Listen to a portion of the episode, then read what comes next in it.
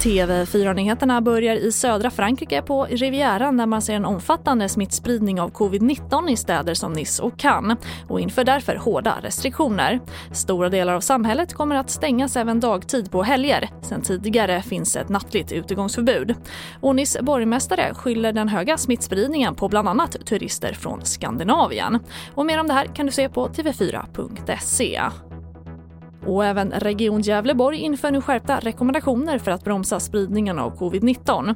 Det handlar om att använda munskydd inomhus när det inte går att undvika nära kontakt och hela tiden i kollektivtrafiken. Dessutom ska personer som jobbar där det bedöms pågå större smittutbrott undvika att vistas ute i samhället.